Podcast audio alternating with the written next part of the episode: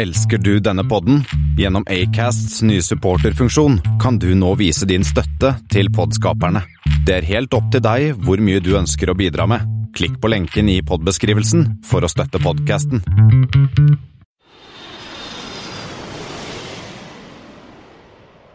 Hei, og velkommen om bord på flypoddens Flight 016, som vi denne gangen har kalt Slotts, Slotts, Slotts. Det har blitt 23. mai, og som vanlig så sitter Christian Kamhaug og Thomas Lone. Eh, i hvert vårt lille studio og skal nerde med deg neste tre kvarter, halvtime. Vi får se hvor eh, lang tid det tar i dag. Ja, og vi eh, skal jo gjøre en ting som vi aldri har pleid å ta opp før. Men dersom du eh, som hører på oss, liker det du hører, så hadde det vært u... hadde vi satt umåtelig stor pris på eh, hvis du f.eks. kunne støtte oss via noe som heter Patrion. Det er en tjeneste som mange eh, podcaster bruker for å få støtte. Eh, Der kan du støtte oss med alt fra 1 dollar og opp til 100 dollar i måneden. og og før, før dere lyttere ler av hvem, hvilke galninger som støtter med 100 dollar i måneden til en podkast, så har vi faktisk allerede fått inn en stykk som gjør det. Og tusen takk til deg. Og tusen takk til deg, ja. Alt vi får inn, det går til å produsere bedre innhold til deg. Eh, Nå i juni så er det jo en konferanse, eh, sånn apropos denne tittelen som vi har nå i dag, Slåss, slåss, slåss, som vi gjerne skulle vært på, Christian. Ja, det hadde, og det er mye annet eh, gøy som eh, Vi har vel en, sånn- et håp om kanskje å dra på, på Dubai Airshow en høst, eh, hvis vi får noe penger. Og, eh, det, og vi har jo nå kjøpt litt mikrofoner, og vi har litt uh, nettleie og sånn, så det er veldig ålreit å få litt eh, cash uh, inn for å, for å støtte oss på det. Eh, og hvis vi får inn masse penger, så skal vi drikke opp alt sammen. Det skal vi. Eh, For vi gjør jo ikke dette for å bli rike. Eh, Det er jo en floskel, men vi gjør jo dette fordi at det er sinnssykt gøy. Ja, og jeg tror ikke vi blir rike av det heller. Nei, det tror ikke jeg For å være helt ærlig. Yes, ehm, siden sist så har jeg bare vært hjemme. Det har vært en utrolig rolig mai. Um, har ikke vært i lufta på tre uker nå, så det føles egentlig litt rart i grunnen. Begynner å få abstinenser nå, Thomas. Ja, så på tirsdag, da, da blir det tur. Ja, hvor skal du da? Eh, da skal jeg til Bergen. Til Bergen, faktisk. Ok. Yes, så det meg og en kollega skal til Bergen, så det blir veldig ålreit. Men du som bor i Drammen, eh, eller uti, der, er, det, hva er, det som, er det best for deg å fly Gardermoen eller Torp? Det er best å fly Gardermoen, eh, og det er av tre grunner. Um, Den ene er frekvensen eh, på ruter som går for Gardermoen, f.eks. til Bergen eller Trondheim eller Tromsø eller hvor det nå måtte være. Det er det ene. Og så har jeg eh, bor i Mjøndalen, og da er det bare noen eh, få minutter ned til eh, NSB Kongsberg-toget som går rett ned forbi meg, og det går direkte opp til Gardermoen. Så eh, for meg så er det definitivt lettest å dra til, eh, dra, dra til eh, Gardermoen framfor Torp. Da hadde det vært bil til Drammen, eller jeg kunne kjørt helt til Torp og tatt tog og buss inn til terminalen og sånn, så det ja, I en travel hverdag så går ikke det. Ja, nei, for jeg har av og til, eh, ikke på jobb akkurat, men eh, på ferie, sånn fritidsreisende med familien, så har jeg av og til reist fra Torp, faktisk. Jeg bor i Asker, så sånn tidsmessig så er det jo egentlig et fett uh, Det går litt raskere å komme seg liksom, fra parkeringen og inn, inn om bord på Torp. Uh, så selv om liksom, det tar ja, 20 minutter, halvtime lenger å kjøre til Torp eh, enn til Gardermoen, så bruker jeg omtrent like lang tid. Så jeg har liksom reist et par ganger fra, med KLM fra Torp og videre Torp også, faktisk. Ja, Jeg har også brukt Torp en del i privatsammenheng, faktisk. Hvis de skal til Stavanger til min mor, eller ja, hvis de skal sende guttungen over fjell og sånn, så, så kan Torp gå fint. Men eh, i jobbsammenheng, der man er, i hvert fall for meg, da, greit med effektivitet og være hjemme tidlig og sånn, så er ja, Gardermoen er faktisk det beste der. Ja, og jeg som skal, skal til Stockholm hele tiden, jeg har jo ikke noe valg. Nei. Kan jo, kunne jo alltids fløy Det har jeg alltid gjort én gang. Eh, reist fra Torp via København til Stockholm. Eh, det var ikke noe suksess. kan jeg si. Skjønner. Men jeg, ja, men jeg har også vært en tur i Stockholm, som vanlig. Um, egentlig ganske ja, ikke, ikke, ikke noe spennende, bortsett fra at ehm, på reisen min over i går morges, ehm, så hadde jeg en liten morsom, en morsom kaptein. Eh, jeg har Ja, eh, han eh, Vanligvis så, så sitter du jo inne i cockpit, og så snakker de i mikrofonen og tar sånn her, og hører hva de sier. Men han her, eh, en svensk kaptein, han jeg husker ikke navnet hans i farta, men han gikk da ut, sto eh, og så ned midtgangen og snakket rett til oss passasjerene. Det ligger jo ute på YouTube og litt diverse kanaler eh, om en sånn svensk SAS-pilot som gjør akkurat det der. Og han er litt sånn morsom og litt vittig og litt Ja. sånn, så det er sikkert han samme fyren. Det er han samme. og Han har, blant annet så har han kjørt sånn derre eh, håndsopprekning hvor skal vi reise til Stockholm eller skal vi reise et annet sted? Og da har jo de fleste sagt Stockholm, for det er det de skulle, da. Men eh, nå fortalte han litt om at han hadde lyst til å se oss og smilte oss og, og gliste og, hadde, og var en veldig, veldig hyggelig fyr og fikk folk til å le. og eh, Det ble god stemning, selv om vi litt ble litt forsinket pga. Uh, at vi av en grunn eh, ikke fikk fuel eh, på en halvtime. Eh, Men jeg skal se mm, Jeg har sendt deg klippet til Thomas, så får vi se om vi klarer å klippe inn det, den lyden. For var han, han var veldig bra, eh, og, og fikk stemningen opp på en sånn litt trøtt eh, morgenflight til Stockholm. Ja, og det tenker jeg er litt viktig, for jeg har ofte litt eh, og, nå er jeg klar over jeg er på tynn is, jeg skjærer mange under eh, eh, over en kam, og jeg kan tråkke på noen bein, men noen Jeg har snakka med noen få Jeg har snakka med veldig mange som sitter framme i den spisse enden, men hos noen få så får jeg litt inntrykk av at vi passasjerene er til for flyselskapet og besetningen. Men jeg føler jo at han her, eh, kapteinen i SAS, han snur det jo helt motsatt. Og tenker at vi som selskap, vi som ansatte her på flyet, er faktisk her for passasjerene. Um, så, så jeg syns som jobber med kunder og har mye kundeoppfølging og kontakt og snakker med kunder daglig, jeg syns jo det er en fantastisk innstilling å ha til, til sine kunder, til sine gjester. Det at man skal se hver enkelt uh, så langt så mye det er mulig da, på en, på en uh, flight fra Oslo til, til Stockholm som sikkert er ganske full, men, men, det å på en måte vise seg overfor sine kunder, sånn som han gjør der, det syns jeg er en god ting. Ja, og, det, og så sto han jo også i døra og sa takk for, takk for turen eh, på vei ut når vi kom til Arendal. Så han var en, gjorde, gjorde, en bra figur for bolaget, og jeg tror at om ikke vi får, får lagt inn lyden, så skal vi legge ut hele klippet på flypodden.no i hvert fall.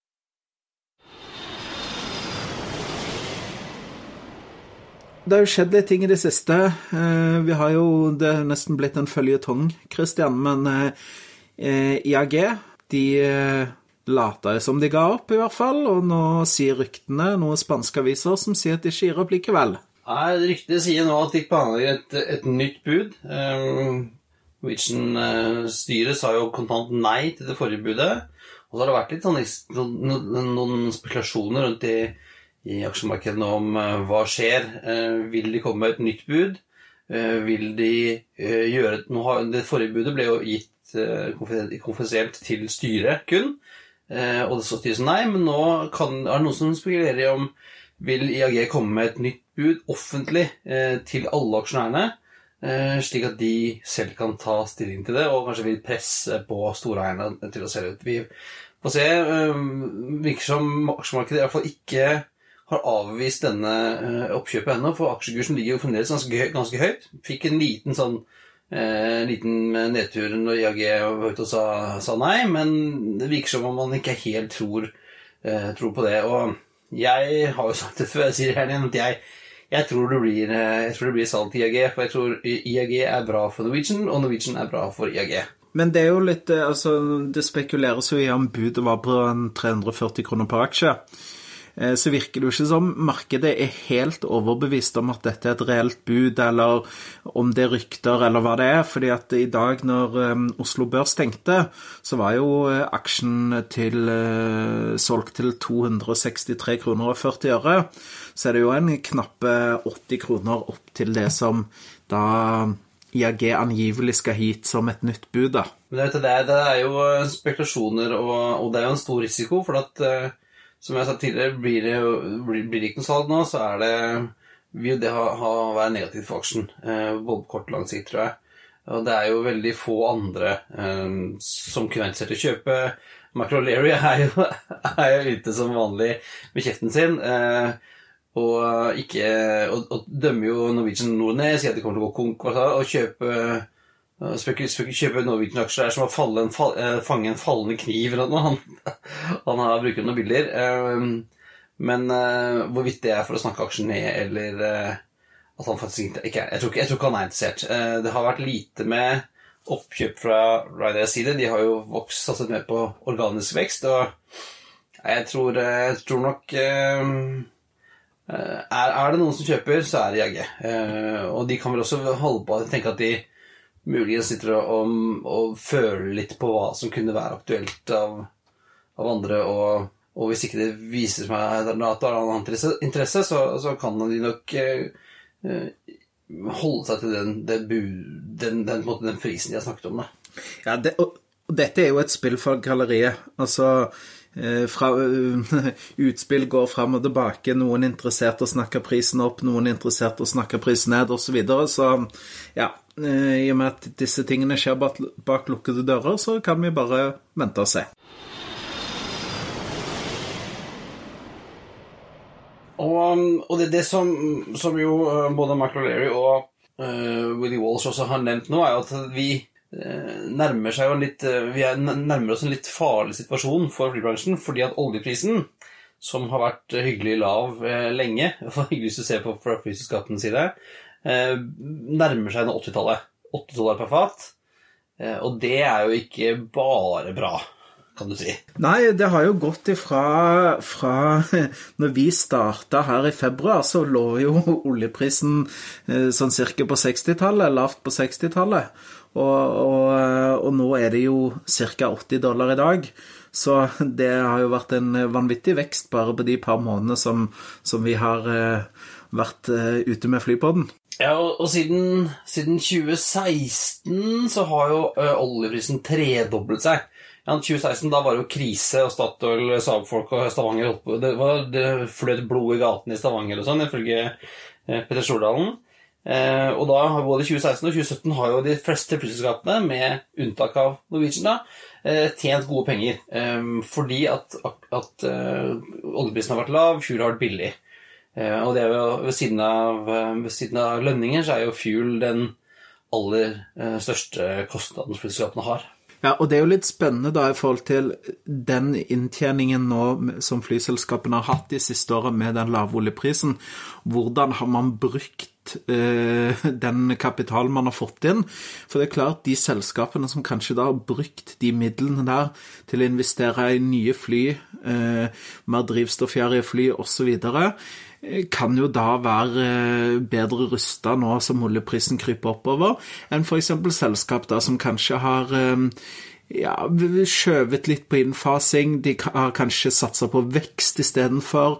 Eh, beholdt en del gamle maskiner, siden ja, ja, oljeprisen er jo så lav allikevel. Disse maskinene er betalt ned. Det er lave kapitalkostnader, lave, lav fuel-kostnad. Ok, vi har litt mer på vedlikehold, men det blir mer veier opp av de andre. Så da, da blir det jo spennende å se, da i, hvilken strategi de forskjellige flyselskapene har hatt i, i, disse skal vi si, oppgangstidene da, som det har vært med lav oljepris for, for, flyselskapene. Hvordan det da materialiserer seg da når oljeprisen kommer opp på et nivå som nå, kanskje opp mot 100 dollar fatet. Ja, det nå husker jeg når jeg gikk på BI back in, back in the day 1998, så gjorde vi en, en, sånn en sånn uh, semesteroppgave om Bråtens. Og da snakket vi med han som var kommersielldirektør da, Freddy Eriksen, tror jeg han het. Han ehm, For da var jo 1998, så var det jo fremdeles Fornebu åpen. Og det var jo en slags det var jo, Markedet i Norge var delt mellom SAS og Bråtens fordi at det ikke var uh, flere slotts, faktisk, som vi snakket om etterpå, på, på Fornebu. Og Bråten var, Stavanger var liksom Bråtens land, så Bråten var veldig um, hadde veldig opptatt av oljeprisen. Og da sa han um, Eriksen da, at, at den perfekte oljeprisen for Bråtens var 25 dollar fatet. Eh, det var den gangen såpass eh, høyt at det fremdeles ble bra drift i eh, Bra fart i utvinningen av olje. altså Stavanger gikk, gikk bra, men det var ikke så høyt at det gjorde vondt på når fuelregninga kom, da. Ja, riktig. Så ja, det var en viktig trade-off der for Bråtens base i Stavanger. Ja, for det, altså, det er jo Når vi snakker med, om flyselskaper generelt, så er jo en lav oljepris er jo veldig bra. Fordi at en lav pris på innsatsfaktor. Men så har du noen steder i verden hvor en lav ikke er, en veldig lav oljepris ikke er bra. Og det er typisk Norge, som er oljenasjon. Eh, Nigeria, en del av Midtøsten, Texas Det var et eller annet, jeg husker ikke tallet, men, men de så som at oljeprisen gikk ned, kraftig ned, i 2016-2017, så ga det med en gang utslag på trafikken ut av kysten, f.eks. Ja, og det, og det, er jo litt sånn hvor, hvor, mye oljeprisen har å si, da. Altså, jeg husker jeg hadde en foreleser på Universitetet i Bergen i, i europeisk makroøkonomi, tror jeg det vel Jeg husker ikke helt hva faget het, men han sa det at grunnen til at Norge aldri kunne være med i euroen, etter hans ståsted, var jo det at når oljeprisen går i bunn, så vil jo det gi positive utslag for alle andre nasjoner nesten i Europa, som, som er storimportører av olje. sant? Mens i Norge så vil jo, eh, vil jo aktiviteten bare gå, bli helt borte. Så, så, så, det vil bli utrolig vanskelig da å føre en motkonjunkturpolitikk eh, når man da gir avkall f.eks. på euroen. Og da mm, måtte Nei, unnskyld, når man da gir måtte Ta det på nytt.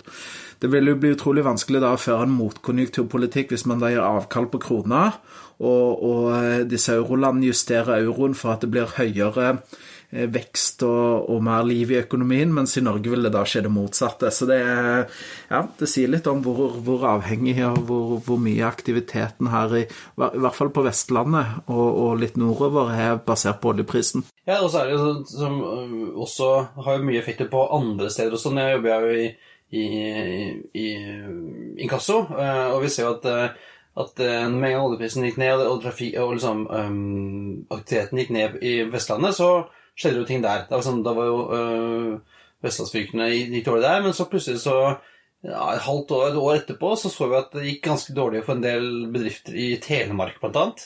Eh, vest for Telemark og Buskerud. Eh, og det viste seg at da var jo alle de som bodde på, i Telemark og Buskerud, som jobba i olje òg. Eh, de hadde ikke råd til å man jobben, de hadde ikke råd til å kjøpe nye biler, pusse opp hytta, pusse opp huset. Og det gikk det utover en del sånne tjenesteytenæringer i de områdene. Så det har jo sånn effekt utover. Og når det gjelder oljepris, så er det ikke bare det at det er forskjell på hvilke på land også, men det har jo også forskjell på flyskapene, hvordan flyskapene hvilken effekt de har, en lav oljepris har. da, En høy oljepris også. Eh, for en høy oljepris er dårlig nytt for lavprisselskapene. Ja, for der er det en større innsatsfaktor enn det det er f.eks. i eh, andre typiske nettverksselskaper, f.eks. Ja, altså det er jo sånn at um, oljeprisen er jo mer eller mindre lik for alle. Kommer litt an på om du har, um, klart å hedge bra eller ikke. Men, men, men, når oljeprisen da stiger, stiger, så blir den kostnadsfordelen som lavprisselskapene har, blir jo mindre. Fordi at den, den La oss si den faste, faste kostnaden med olje, olje eller fuel er, blir jo da eh, større, og da den, den, prisdifferansen de har, blir jo da mindre. Så en høy oljepris er jo alt annet likt bra for de tradisjonelle selskapene, og ikke fullt så bra for lavselskapene. For en høy oljepris betyr jo også ofte høy eh, økonomisk vekst. Ja, det stemmer. Men det er klart, dette er jo veldig teorien, da. Eh, jeg er sikker på at hvilken som helst eh, analytiker eller eh, CFO i et flyselskap vil foretrekke en lav oljepris uansett om du heter Lufthansa ja, eller, eller uh, Ryanair. Jo, men en høy oljepris vil da gjøre vondere for Ryanair enn det vil gjøre for Lufthansa. Sånn relativt sett. Ja. Yes.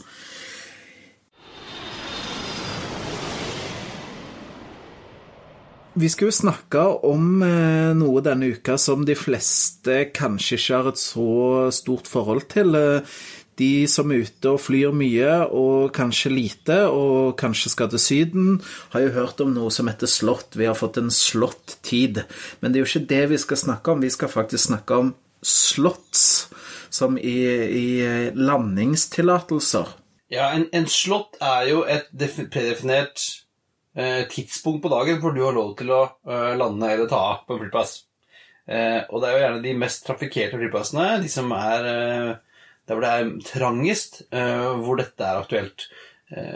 På de skandinaviske flyplassene så er det jo ja, ganske en plass, så det, det, er jo ikke det noe stort problem. Mens du har store flyplasser som Paris Charles de Gaulle, Frankfurt, London Heathrow, Gatwick, ja, Schiphol også, hvor det, hvor det er liksom Det er begrensa. For du, du, har bare x antall uh, muligheter i løpet av dagen til å ta av og lande, for du har bare x antall rullebaner, og du har bare uh, en viss tid til å lande og ta av på. Ja, og, og disse Det har jo vist seg så det at Altså, disse slottsene kan jo ha en utrolig høy finansiell verdi for flyselskapene. Eh, ja, og det er jo, eh, det er jo ikke så lenge siden at SAS uh, solgte et slottpar, to slottpar faktisk, på Heathrow, som ga en sånn resultateffekt på 75 millioner dollar, altså tre kvart milliard kroner, uh, for å selge disse to slottene. og det er jo sånn at hvis du spør noen hva en slott er verdt, så svarer du jo først og fremst at det it depends. Men det er jo ingen som vil si så mye om hva de har kjøpt og, de har, har kjøpt og solgt disse for, for de er jo er litt sånn gyngende grunn på om, om, man egentlig har lov til å kjøpe og selge disse, da. For det er jo sånn at slottsene de fordeles jo på etter et visst regelverk. Thomas, det har du kikka litt på. Ja, altså det er jo eh, IATAs IATA som forvalter på en måte regelverket rundt dette her med slotts og hvordan man skal gjøre det i forhold til best practice. Eh, det er jo egne slottkonferanser, og det er eget regelverk. Og, og, det blir jo ofte satt opp egne selskaper som jobber med koordinering av slotts. altså F.eks. som er eid av flyplassene og flyselskapene sammen, som, som, jobber med det å fordele slotts. Så, så det, er jo, det, er jo, et litt sånn gråmarked for slotts, for det, det er jo ikke noe børs der man kan omsette slotts. Kanskje det kunne vært en markedsidé for oss, Christian? Starte Slots Exchange. Men, eh, men eh, det, er, det, er, jo et gråmarked, og det fører jo til en del rare ting i forhold til når flyselskaper går konk, holder på å gå konkurs, har likviditetsproblemer osv. Så, så så kan, så har man opptil flere ganger i historien, spesielt eh, i, i England, sett at andre flyselskaper går inn og kjøper konkursbo ene og alene for å få slåttene. Eh, og det, det så vi jo f.eks. her i eh, Som du ja, hva man skal si var en del av, men du fikk jo føle det litt på kroppen her, Christian. Um, fordi at uh, Monarch, som gikk konkurs, uh, de hadde jo Selve selskapet var jo kanskje ikke det beste, men de hadde utrolig mange slott. Ja, altså, jeg, jeg, jeg fløy jo faktisk Monarch ned til Lanzarote fra Manchester på en lørdag, og søndag natt til mandag så var det jo konk. Det er jo en, en historie i seg selv. Når vi kom oss hjem igjen, men det var Det gikk fint, det, altså. Men Um, når da um, selskapet hadde gått konkurs, um, så satt jo bo, bobestyrerne og uh, hadde satt en verdi på disse slottene. Særlig hadde de ganske mange verdifulle slotts på Gatwick. Og ville selge, den, selge dem, mens uh, den slottkomiteen, de som styrer alle slottene i, på engelske flyplasser, mente at ifølge Yata-regelverket så er det kun selskaper som er operative, som har lov til å beholde slotts. Um, så det ble en først en, Så det gikk, gikk, rett, gikk rettens vei. Um, og da tapte I første instans så tapte um, eh, boet. Uh, retten sa at disse slottene måtte tilbakeleveres. Um, og, men, men, i en uh, andre rettsrunde så fikk boet medhold i at disse var en del av selskapets assets, og kunne da selges til høyestbydende. Og da BA kjøpte en ganske stor eh, klump av de slottene, hvis ikke jeg husker vel helt feil. Det var vel sånn snakk om at en 60 millioner pund tror jeg dette skulle gi da, til, tilboet. Det trengte de jo, for de skulle jo betale for eh, den luftbroen som eh, ble satt opp for å fly alle folkene hjem igjen. Ja, og, og, det er litt merkelig, sånn som i, i Storbritannia, der det er veldig stort press eh, på på å få slått, så, så har man eh, Dette her har jo faktisk Dette med landingslots og, og, sånn har jo til og med vært oppe og diskutert i eh, det, det britiske parlamentet. Det ligger en veldig bra rapport om airport slots in the UK, eh, som, som er fra i fjor sommer. Så, som er House of Commons, uh, som ble brukt i noe sånn politisk behandling eller ja, et eller annet sånt. Men, men, men det viser seg jo det at f.eks. for eksempel at um, fram til 2007 så var det veldig lite med overførsel, altså kjøp og salg av slåtter. Da var det en stor pool av slåtter. Da var flyceller, da var Heathrow flinkere, og andre var flinkere til å dra inn slåttene når de ikke ble brukt. Eh, aksepterte mindre av det. Mens man ser da etter 2008, så har dette med, med overførsel av slåtter har skutt i været, og den poolen av ledige slåttpar har vært nesten av lik null. Så, så, så etter de siste ti årene så har det uten på en måte å ha mye penger, så har det vært helt umulig nesten å komme inn f.eks. på Heathrow. Og det er jo en bekymring for myndighetene, for de mener at det er på en måte litt konkurransevridende og, og kan, være til, eh, kan være med å begrense konkurransen. Eh, så toppåret, det var 2013. Og da var det nesten 600 eh, slott, slott her som bytta da på annenhåndsmarkedet, eller i gråmarkedet, eller hva du ville, eh, på Heath Mens eh, nå de siste årene, fra 14, 15 og 16, så har det ligget på et ca. 200 slotts i året som, som, bytter hender.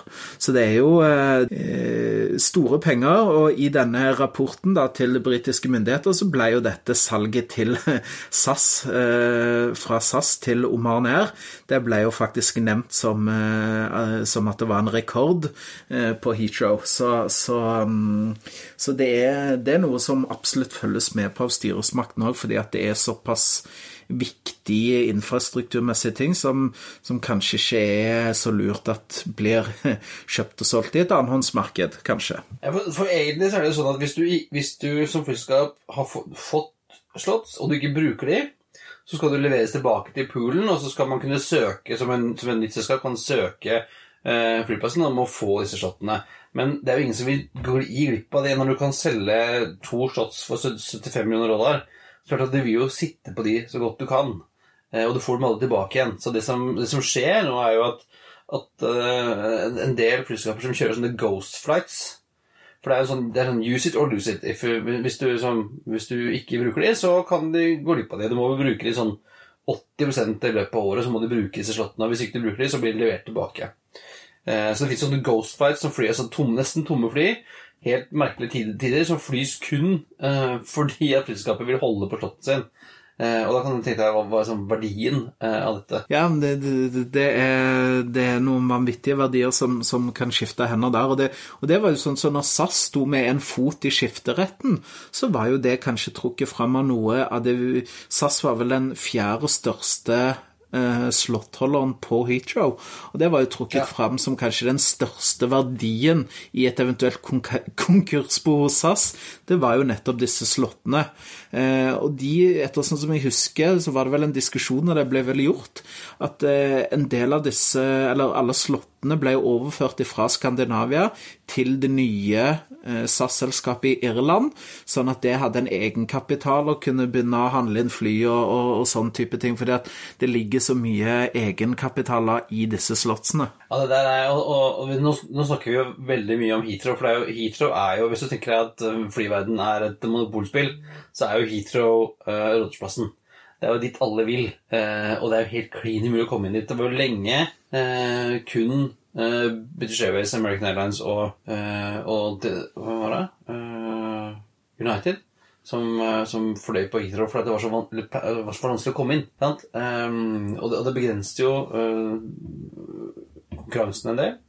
og, det, og det tvinger jo en del mindre selskaper som kanskje har gamle slotts fra, fra tilbake. De har sånn grandfather rights, så de beholder dem fra år til år de tvinger jo nesten til, til, å selge ut. Så um, du vil jo ikke se nye selskaper på Heathrow. Uh, det skal godt gjøres. Ja, det er helt sant. Så, så, det er jo Og det er noe som bekymrer da de som uh, orden på styre og stell, om at det da er på en måte hemmende for konkurransen. At man ikke da har andre aktører får tilgang til Heathrow, for det kreves så vanvittig med kapital eh, bare for å å kunne få en daglig avgang eller to til og fra Heathrow. Ja, og, men så interessant det du var inne på, at SAS er jo en av de, en av de største slottholderne eh, på Heathrow. Eh, og det er jo de har, hva er, det, er det 17 par om dagen eller noe?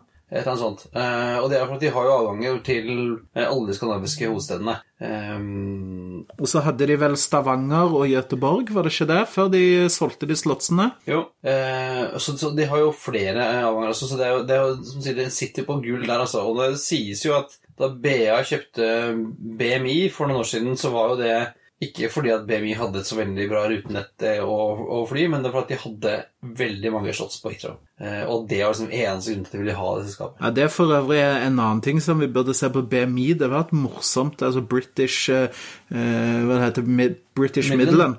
Det, de, hadde, de hadde et morsomt konsept. De hadde liksom noe longhold-maskiner, og så fløy de mye til sånn eh, Lille-Asia og nede i Kasakhstan Altså, de, de, de, fløy mye rare destinasjoner ut fra Heathrow og sånn, så det, det, er nesten sånn vi må, må sette på det historiske nettverket der. Det hadde vært litt kult. Og de lever jo videre. Regionalselskapet til BMI ble jo solgt ut, for det ville ikke BA overta. Hadde jo ikke noen Heathrow-shots, tydeligvis. Og det lever jo fremdeles som, som, som BMI. Flyr vel Oslo Aberdeen, tror jeg. Ja. Veldig fin, veldig fin, veldig fint design og syns jeg veldig fin livery på, på slutten. Det er siste, siste fargen de hadde før de ble spist av BA, de også. Ja, De fløy jo både til Bergen og Stavanger vel før de, før de la ned fra, fra, Heathrow. Så de, de, de, var jo faktisk til stede litt i Norge òg, de. Og der, der fortsatte jo BA en stund både til Bergen og Stavanger, men det, det ble jo lagt ned. Og det, og det, tenker jeg er litt utfordring òg, når slåttparene på Heathrow er så verdifulle. Så blir det jo veldig holdt jeg på å si, streng prioritering på hvor skal vi fly. Altså Sånn som BA Det sitter nok lenger inne for de å bruke kanskje da noen av disse verdifulle slåttparene til å kalle, skal vi si, teste ut ruter, da. Sånn som Ryanair og andre gjør.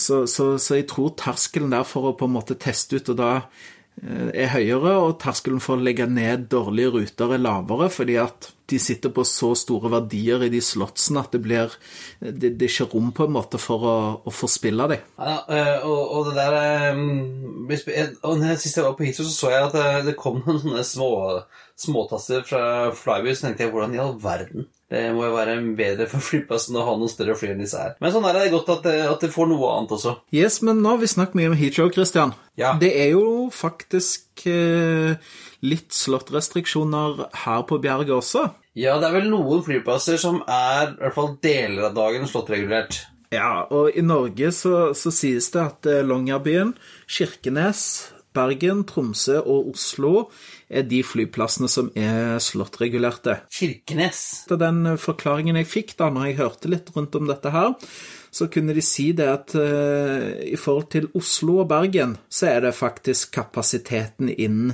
i luftrommet som, uh, som er sprengt. Altså i forhold til antall avganger og landinger som er sprengt på, på noen tider av døgnet og noen dager i uka. Mens på um, disse Tromsø, eh, Longyearbyen og Kirkenes er det faktisk terminalkapasiteten som gjør at de er slåttkontrollerte. Ja, men det gir jo mening, faktisk. Fordi at du kan begrense hvor mange, hvor mange skytterskjul du kan få inn på, på en tid i Kirkenes Longyearbyen. Altså, det er liksom. Så, så, så, jeg tror det ligger en god logikk bak at det er nettopp eh, de flyplassene der, eh, bortsett fra Bergen og Oslo, da, som er, som er slåttkontrollerte. Det, det kan du huske dette, Thomas, men på Fornebu på slutten så var det jo ekstremt slåttregulert, fordi at det, var, det hadde jo én rullebane og eh, ikke noe mulighet til utvidelse. Der var det jo veldig veldig vanskelig å komme inn. Og det var det som, det som gjorde at det var jo ikke noe reell konkurranse selv etter at uh, det ble fri konkurranse i Norge på midten av 90-tallet. Så var det jo ikke noe konkurranse, i hvert fall ikke på Oslo, fordi det var, sånn, det var ikke plass til noen flere. Uh, Color Air begynte jo i 98 litt før Gardermoen åpna, men fra Gardermoen, fordi det var ikke plass til dem på Fornebu, og det var altså, lite konkurranse mellom flyselskapene. Uh, Bråten hadde liksom Trondheim og og Stavanger, og, Berg, og, og SAS hadde Bergen. Liksom. Eh, så, så, det var sånn veldig lite muligheter for konkurranse på Oslo så lenge at Fornebu var operativ. da. Ja, og, men i Norge så er det jo et eget selskap eh, som er satt til å til å eh, forvalte denne slåttreguleringen, eh, som heter så mye som Airport Coordination Norway AS. Eh, Kjenner du til det selskapet der, Christian? Det er, hvis ikke jeg husker feil, så er det et selskap som er deleid av Avinor, eh, Norwegian, SAS og Widerøe eh, sammen. Der sitter det folk fra de selskapene og fordeler shots. Og grunnen til at alle sitter der, er jo at man skal være rettferdig. Og det skal være sånn at alle skal få. I hvert fall, hvert fall etter evne. Og sånn er det i veldig mange andre land, land også, at man har sånne slåttkomiteer um, som sitter liksom og, og, og, og, forvalter denne, eh, denne real estaten, da. Ja, for jeg har jo sett det at uh, dette selskapet her i Norge, Airport Coordination Norway, har jo ingen egne ansatte. Eh, det er oppført med null ansatte. har en beskjeden omsetning på 2,7 millioner sist godkjente regnskapsår. Og så er det jo helt riktig som du sier, det er Avinor som eier 50 av aksjene. Så eier Norwegian og SAS 20 hver. Og så har vi våre små grønne venner i Widerøe som eier 10 av aksjene. Eh, Og der, eh, i det selskapet, så, så er det eh, Sånn som jeg har forstått det, en daglig leder som heter Fred Andreas Wister, da, som, som på en måte jobber med denne koordineringen. Da sammen med en som heter Thomas Ramdal. Thomas Ramdal han er jo kommersiell direktør i Eller var i hvert fall kommersiell direktør i Norwegian. Så, og jeg så, jeg så kikker de på styremedlemmene. Der sitter jo folk fra, som satt fra Widerøe og SAS også. Så de sitter der og kokulerer. Ja, riktig. Jeg eh, tenker på han her når du sier kokkelere, tenker jeg på hans supperåde med han Harald Heidesteen. Men eh, nei, vi, vi får håpe at de gjør noe mer fornuftig enn det, og det, det, det tror jeg. Men det er jo ikke til stikken en stol at sånn som selv på Gardermoen, da, så er det jo utfordringer i eh, det å, å kunne lande og ta av i morgenrushet og ettermiddagsrushet på de eh, på de travleste dagene. Så det er jo en utfordring faktisk nå på Gardermoen også har blitt. Og det går jo rett inn i debatten om den tredje rullebane. Eh, Det er jo mange som sier at Gatwick de har jo én rullebane og er så stor, hvorfor klarer ikke Gardermoen seg med to, og Heathrow har to, osv. Men, men det har jo noe med det at vi i Norge er jo Det er jo få Hvis du ser den innenrikstrafikken og frekvensen som er i Norge eh, Det er jo ingen land i verden som man flyr med per capita enn i Norge. Så er det jo klart at med de rushbølgene som kommer inn og skal ut på morgenen og samme på ettermiddagen, så er det jo, det er jo potte fullt på, på Gardermoen da i, eh, når alle flyene fra utestasjonene kommer inn på morgenen og skal ut igjen i åttetida, så er det jo, det er jo ganske Texas til tider. Du skjønner jo at det er en utfordring. Ja, bare, bare sette inn Dreamliner og 330 på Bergen, så går det fint. Ja, ikke sant? Det er jo eh, Jeg tipper jo det så Man ser jo det i eh, De gjør jo det i Asia. Så flyr du eh, Bangkok-Phuket, så er en 50 minutter, eller Bangkok-Singapore, eller Singapore-Ho Chi Minh, så er det jo det er jo ikke noe annet enn 330-er og 777 de flyr med der nede. Ja, Det har også vært noe av Airbus sitt eh, argument da, for 380-en, at uh, det blir mer og mer uh, trangere og trangere på de store flyplassene, og da trenger man store fly for å uh, få unna. Men så har jo, man, har jo Boeing kjørt med, med Dreamliner og heller satser på at man ja, bypasser disse store hubene, da. Men ja, er- vi, vi, får se, vi får se. Jeg tror nok at det blir, ikke, det blir ikke mer plass på Heathrow etter hvert. Den nye rullebanen som eventuelt kommer, kommer til å bli spist opp ganske fort, tror jeg. Så det blir jo en liten bonanza der eh, når den åpner, eh, og kan gi noen flere åpninger, altså. Det er jo da, altså når Oslo lufthavn åpner sin tredje rullebane, og Heathrow gjør det samme, det er jo da vi må ha denne slot-exchangen vår oppe og gå, Christian. da de- detter jo verdien, vet du. Så da er det ingen som vil ha det der. Jo da, men jeg tror annenhåndsmarkedet der, hvis du klarer allikevel å sikre deg noen slots på Heathrow, det blir aldri dårlig butikk, vet du. Nei, ja, det er ikke det. Og så er det jo sånn at eh, nå har jeg jobbet litt med, med ruteplanlegging før også, og, når du skal planlegge ruter, så er det ganske langt i forveien. Og da er jo det å, få, det å søke slotts er viktig. Og da har du disse slottkonferansene, hvor man eh, møter, flyselskapene møter flyplassene, og så man, gjør man litt sånn deals fram og tilbake. Og det er viktig å få disse riktige slottsene. Og da er det jo noen selskaper som eh, får skaffer seg slotten først, og så lanserer ruta. Mens andre selskaper de kjører på og lanserer ruta først, og så søker de slåss etterpå. Og det, det betyr jo at uh, man ofte må endre på tidene. Uh, Norwegian var veldig, I starten var de veldig uh, aggressive på å åpne nye ruter før SAS fikk det til.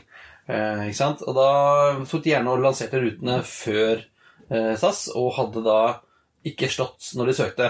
Slik at tidtabellen ble ofte justert etterpå. Så det kan du, Hvis du har kjøpt billett på litt sånn langt fram i tid, og den blir endret ganske mye, så kan det tyde på at flyskapet du har kjøpt billett hos, har sjanse på å selge billetter på en slott de ikke har. Ja, men det, det går bra noen ganger, og det går fryktelig dårlig andre ganger. ja.